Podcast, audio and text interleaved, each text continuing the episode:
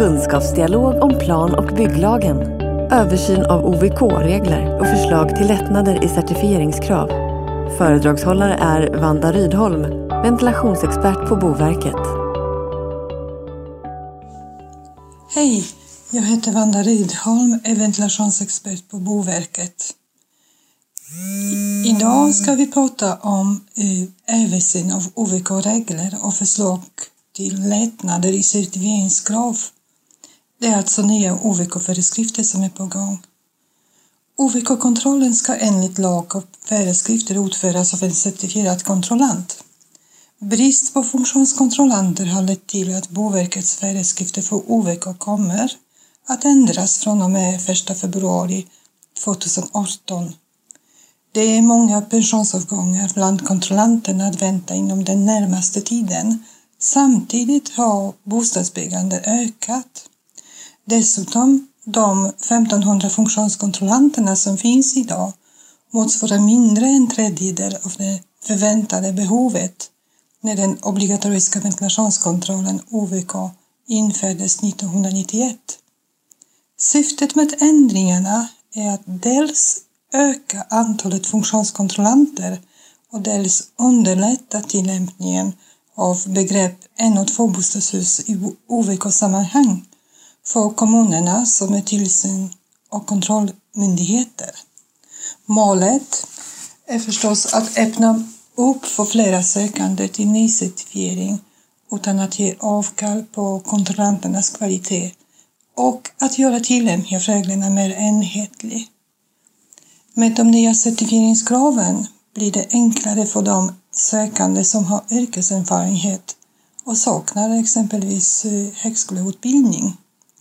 Vissa förtydligande av kraven på allmän kunskap minskar osäkerheten och underlättar tillämpning bland certifieringsorganen.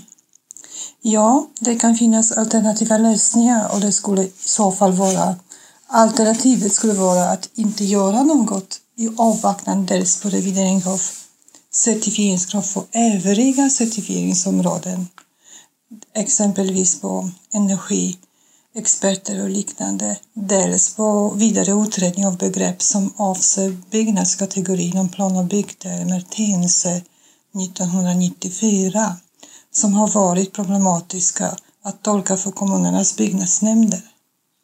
Det skulle förstås bli fortsatt otydligt för berörda inom certifieringsprocessen. Det finns också risk för att det i framtiden blir brist på funktionskontrollanter vilket i sin tur kan leda till att funktionskontroller och ventilationssystem inte genomförs i tillräcklig utsträckning och att inomhusklimat försämras. På samma sätt blir det fortsatt otydligt för kommunernas byggnadsnämnder att utöva tillsyn över byggnader som felaktigt faller bort från krav på återkommande OVK-besiktningar. Det är alltså effekter om inte reglering, regleringen görs skulle vara ganska negativa och kan uppstå om inte regleringen görs, det vill säga risk för att det i framtiden blir brist. Det är redan brist på certifierade funktionskontrollanter i vissa delar av landet. Men det, det, det skulle fortsätta bli ännu större brist på kontrollanterna. Om definitionen av en av två bostadshus är kvar riskerar även fortsättningsvis vissa byggnader som har ett tydligt behov av funktionskontroll och ventilationen att undantas från kravet.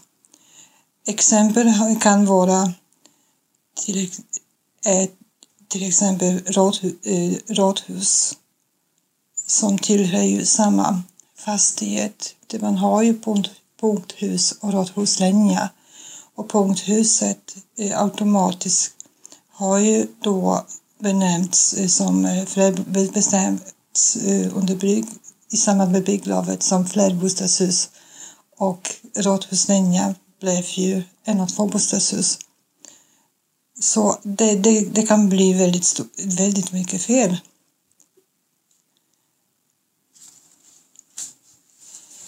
Jag skulle berätta lite om vilka lidelser som, som vi har ändrat och exempel på lidelse enligt remissförslag. Det är ju bland annat sjunde paragrafen som kan, det handlar om krav på allmän teknisk kunskap. Eh, som nu har vi på remissförslag, hade vi och har fortfarande som förslag. För att få behörighet NLK ska sökande ha allmän teknisk kunskap genom avlagt examen eller genomfört utbildning med inriktning mot installationsteknik i kombination med byggnaders styr och reglerteknik, energisystem eller byggnadsteknik från eh, punkt 1. Teknisk högskola motsvarande minst 120 högskolepoäng. Punkt 2. Yrkeshögskoleutbildning eller tidigare yrkesteknisk utbildning. Punkt 3. Tre eller fyraårigt tekniskt gymnasium. Eller punkt 4. Annan likvärdig utbildning. Den här punkten hade visat sig att, att vara svår att tillämpa för certifieringsorganen. Därför tog vi fram allmänt råd till punkt nummer 4 som lyder annan likvärdig utbildning enligt punkt 4 ovan eh, bör omfatta en eh, studietid om minst 70 veckor. Och det är självklart eh, studierna ska gälla då inriktning mot installationsteknik och så vidare. Och så vidare. Förslag till nya föreskrifter har varit ute på remiss och besvarats av totalt 63 remissinstanser, det vill säga berörda myndigheter, branschorganisationer med flera. Svaren blev följande. Avstå eh, fem stycken. tillstyrka utan kommentarer 20. tillstyrka med kommentarer 32. avstyrka 6 stycken. Och det var totalt eh, nästan 200 kommentarer eh, tillsammans. De som avstyrker är i huvudsak byggnadsägarnas branschorganisationer. De är emot att eh, Boverket tar bort definitionen av en och två bostadshus. Det finns fler branschorganisationer för byggnadsägare som tillstyrker detta förslag. Så det är 50-50 så att säga. Samtliga remissinstanser från kommunerna tillstyrker förslaget om att skapa en mer enhetlig tillämpning gällande undantaget från krav på OVK-besiktning. Det är ju de som bestämmer, beslutar om byggnadskategori. Så det är ju de som är användarna. Ja. Så långt eh, har vi kommit med remissen. Så nu, nu är det bearbetning av remissvaren och så ska vi ha dragningar för våra chefer och generaldirektören.